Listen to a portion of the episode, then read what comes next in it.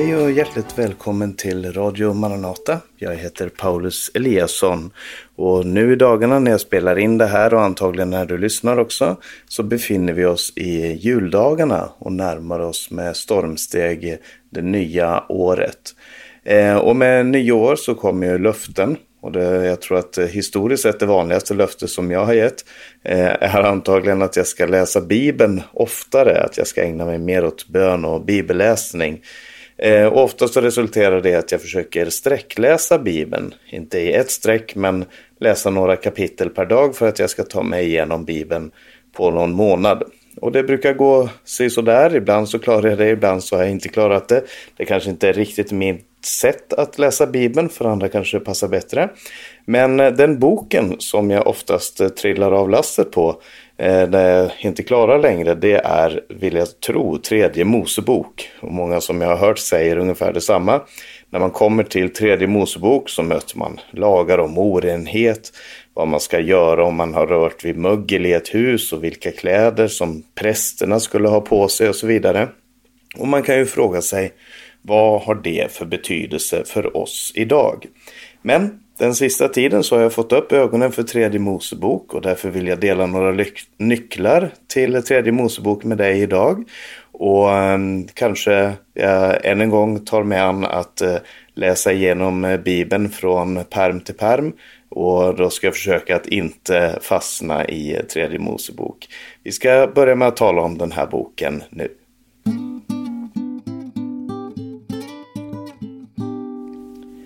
På svenska så kallar vi tredje Mosebok för just tredje Mosebok. Eh, på hebreiska så, och med förbehåll för att jag inte alls kan hebreiska, inte vet hur det ska uttalas, men som jag läser det så heter den Vajikra.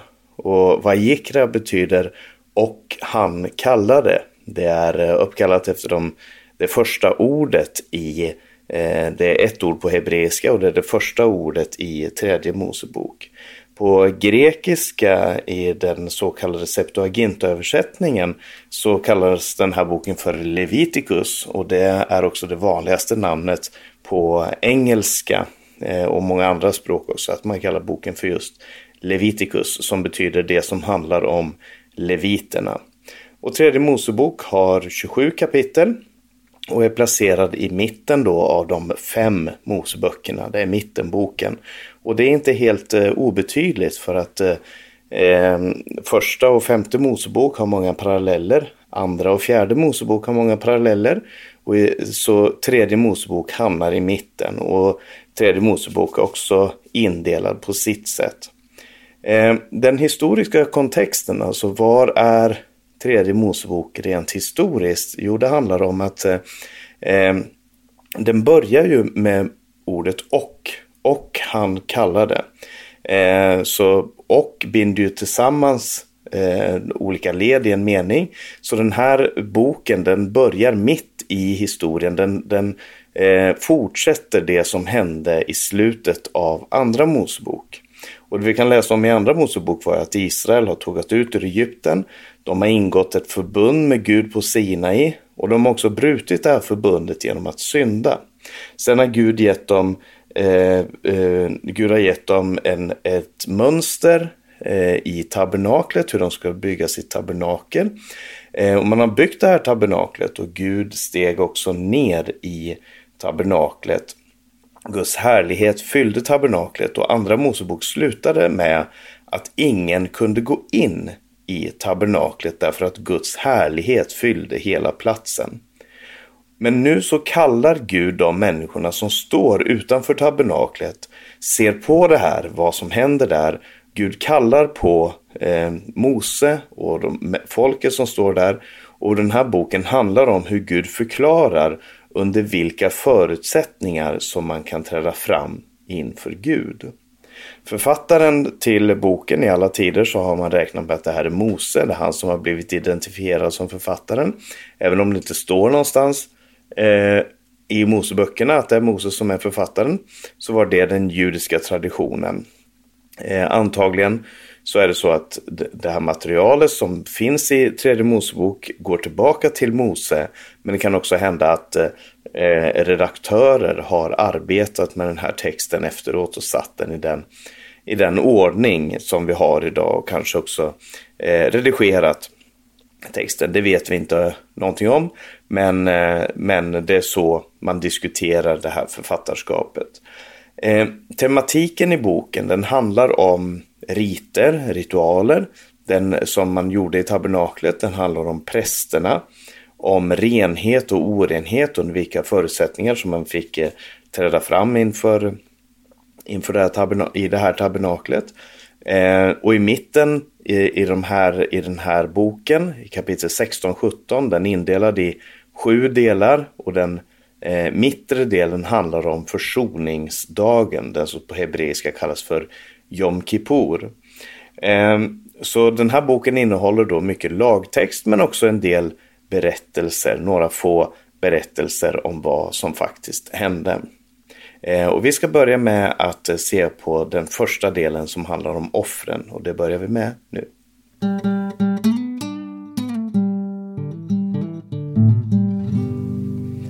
Kapitel 1 till 7 i tredje Mosebok handlar om fem olika slags offer. Det är brännoffer, matoffer, gemenskapsoffer, syndoffer och skuldoffer. Eh, för saken är den att eh, Gud då, om Gud då kallar på människor att de ska komma till honom så är ju frågan hur ska man kunna komma in i gemenskap med Gud? För Gud är helig, han är god, han är rättfärdig, han är ren, han är liv och så vidare. Han är skaparen till allt liv som existerar och han är eh, enastående.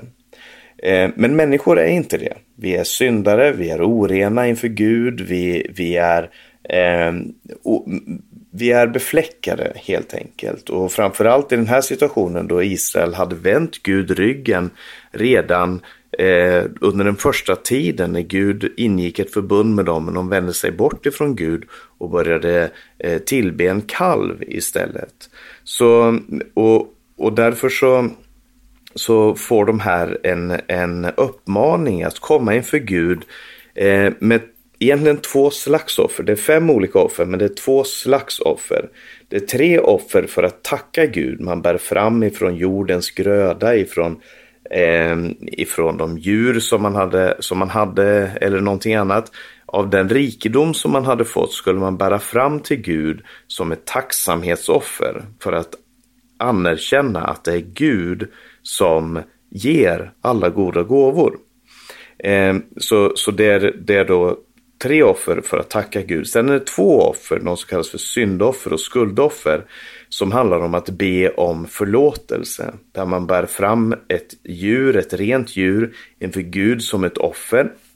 Som då eh, symboliserar den här reningen som det Eh, och, och, den här önskan om att bli förlåten. Någon dör i den här människans ställe. Man bär fram ett offerdjur som bär den skuld som man själv har. Och att komma inför Gud, det handlar om ett erkännande av sin ovärdighet.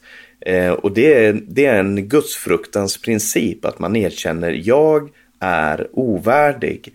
Eh, förlåtelse, men man ber om förlåtelse. Dessutom så handlar det om att komma inför Gud, om att visa tacksamhet inför det man är och det man har. Det Gud har gett människor. Så den första delen här eh, lär något om hur man ska komma inför Gud. Och man kan ju säga det att, ja men varför är det här relevant för oss? Och jag kommer komma tillbaka till det. Men för det första så kan man säga att eh, det här är relevant för oss för att det uppenbarar eh, Guds hjärta. Det uppenbarar principer som ligger bakom det här, även om vi idag inte kan bära fram våra egna offer på samma sätt som det de gjorde. Vi bär inte fram brännoffer och matoffer och, och så vidare. Men, men de, de här principerna som ligger bakom, de är de samma också idag. Eh, så, så när man läser tredje Mosebok så kan man se något av Guds hjärta och hur det tog sig uttryck på den tiden. Eh, och så får vi fråga oss själva, hur ska det ta sig uttryck för oss idag, vi som tror på Jesus? I kapitel 8-10 så handlar det om prästens ordinering. Eh, det står att prästen han skulle avskiljas för tjänst och det här, eh, på den här tiden så handlade det om Aron, eh, Mosebror och Arons söner. De blev avskilda och helgade för att de skulle kunna tjäna både Gud och folket.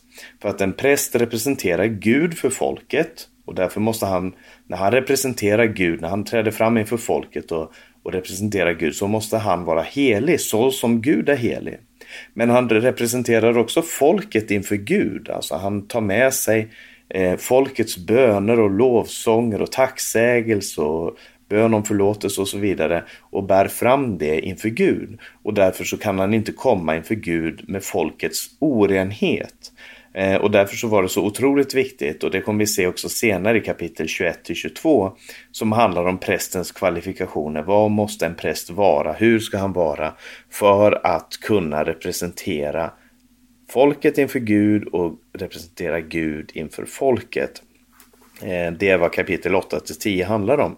Men det första som händer eh, det är i kapitel 10 där det står att Nadab och Abihu ska gå in i tabernaklet. Antagligen så var de fulla för att eh, det som står efteråt är att ingen ska träda in. Prästerna skulle inte smaka av, av vinträdesfrukt, alltså de skulle inte dricka vin eh, när de hade sin tjänst. Det var helt förbjudet. Men de, det de gjorde var att de bar in främmande eld inför Gud. Just vad det där betyder ska jag inte gå in på här.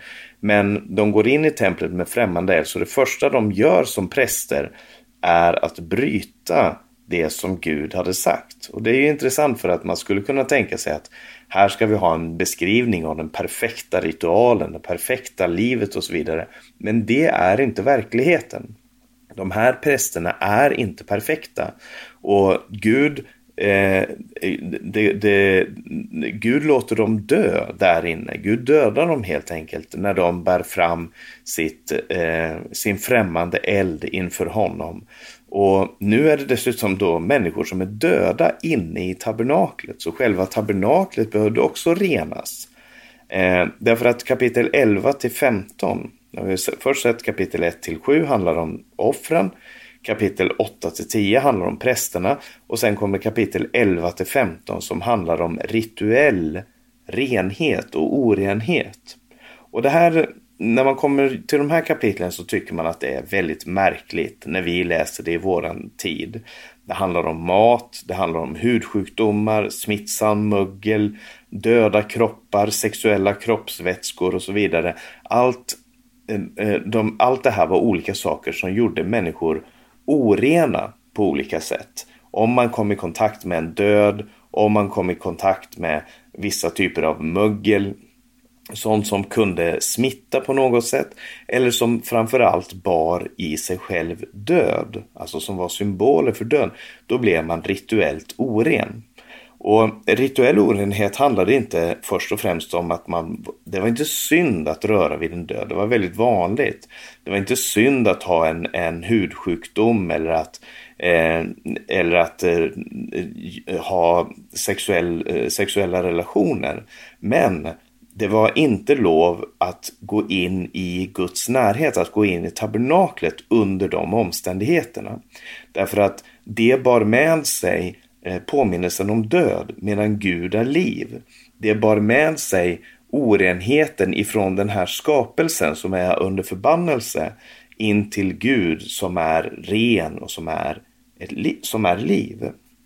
Eh, och därför så gav man de här reglerna för rituell renhet. Men som sagt, det låg ju då två döda präster inne i själva tabernaklet. Så tabernaklet hade redan blivit orenat.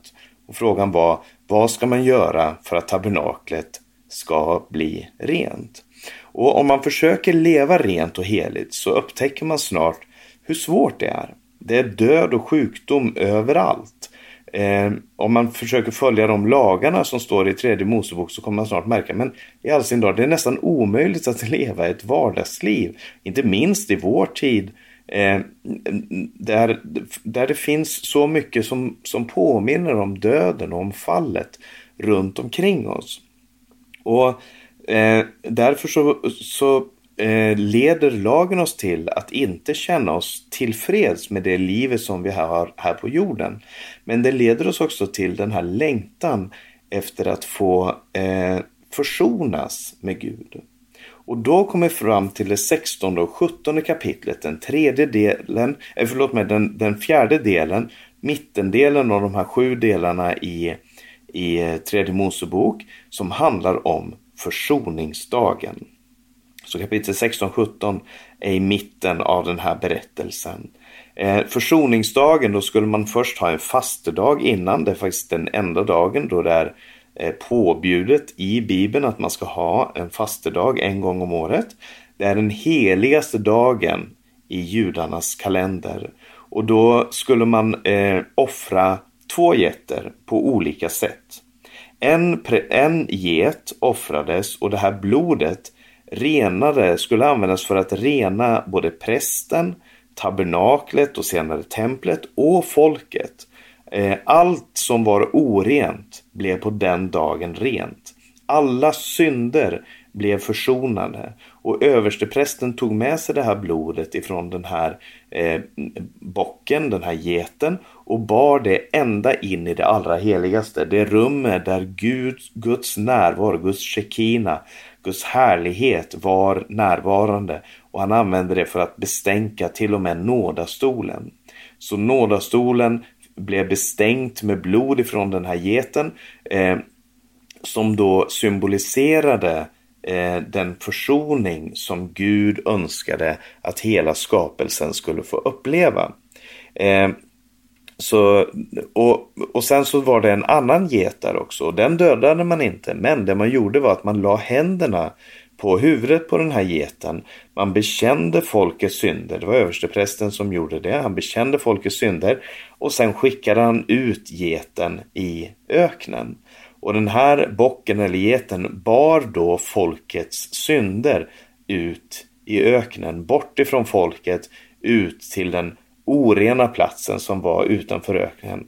Eh, det är därifrån vi har det här uttrycket en syndabock. Alltså att man lägger någons synder på en person, i det, i, använder vi det som. Men i det här tillfället så handlar det alltså om att hela folket lägger sin... Eh, först så offras en get vars blod renar till och med tabernaklet där som de här människorna hade fallit ner döda.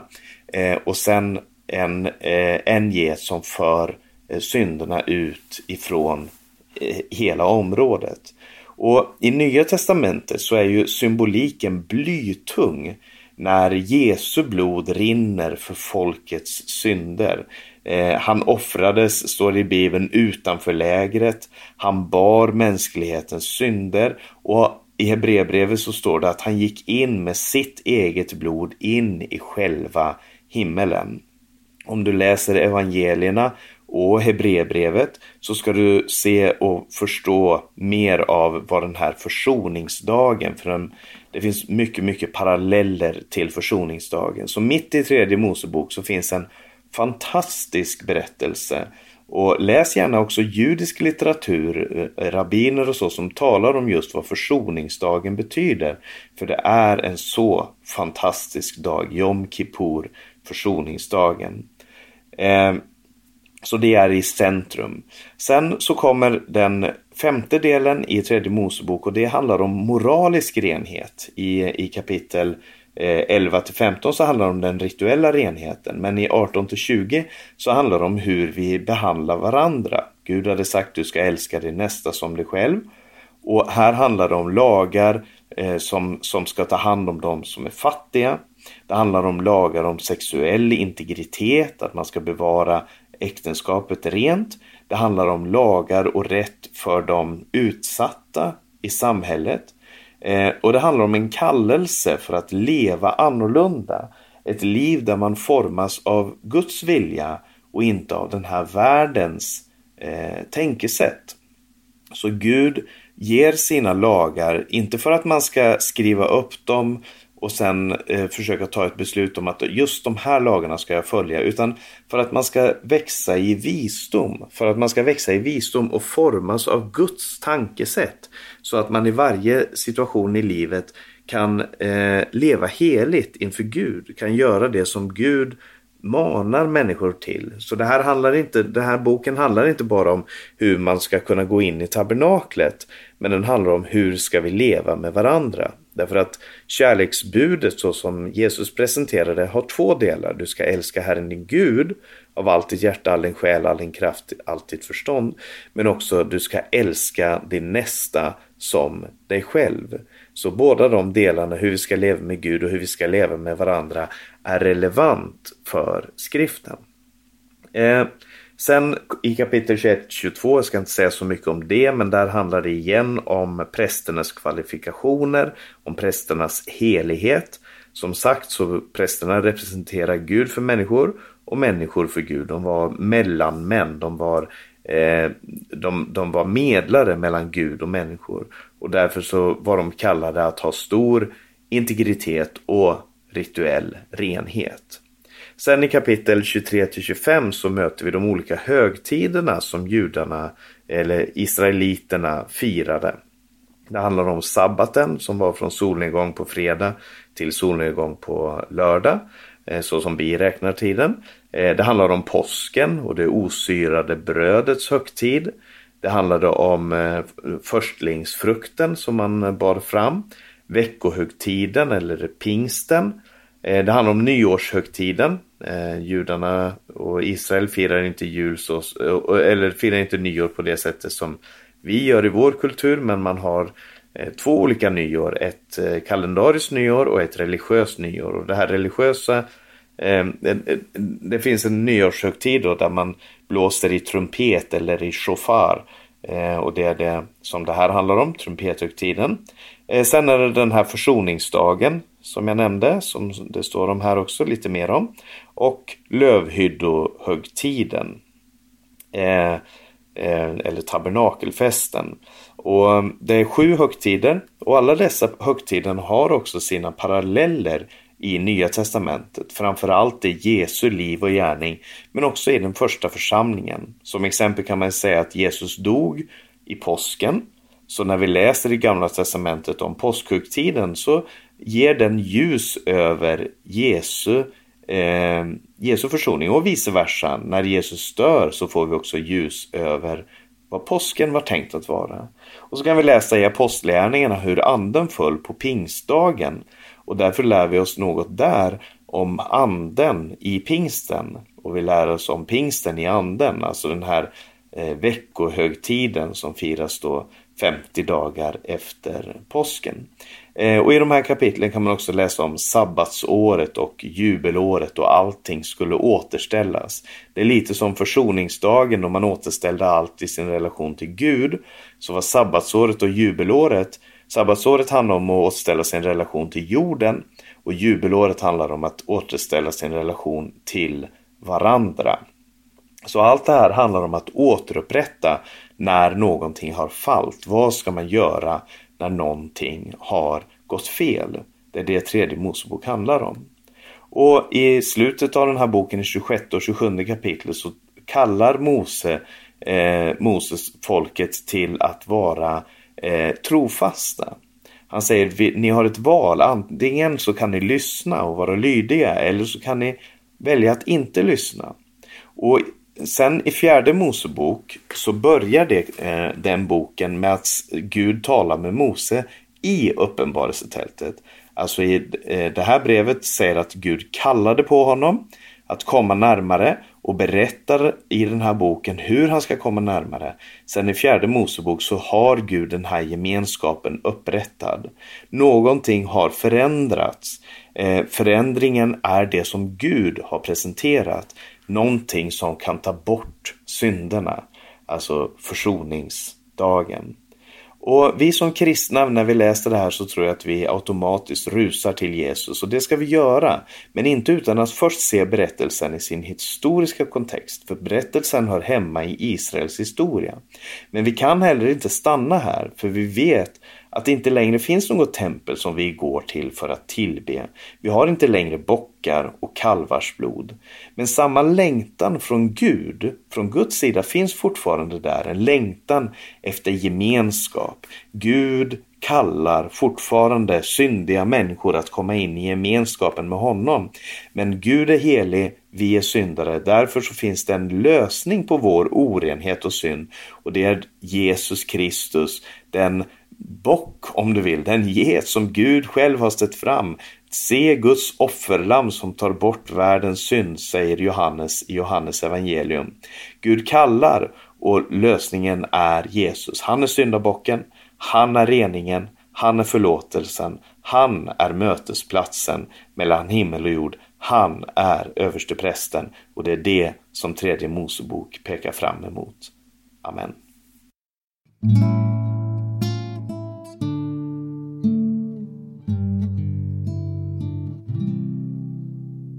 Vi ska alldeles strax lyssna på sången Nu är försoningsdagen kommen för världen all som Kristina Eimsen sjunger. Men först ska jag bara säga att du har lyssnat till en podcast från Radio Maranata med mig Paulus Eliasson. Det här programmet har sänds över Stockholms närradio 88 MHz och Örebro närradio 95,3 MHz. Sprid gärna de här programmen till andra också. Om du har några frågor eller kommentarer så kan du skicka en e-post till info maranata.se eller ring 070-201 60 20. På hemsidan maranata.se kan du höra programmen, läsa minnesropet, se Radio Maranatas övriga sändningstider också. Sprid Guds välsignelse till alla du möter eh, och nu lyssnar vi till Kristina Imsen.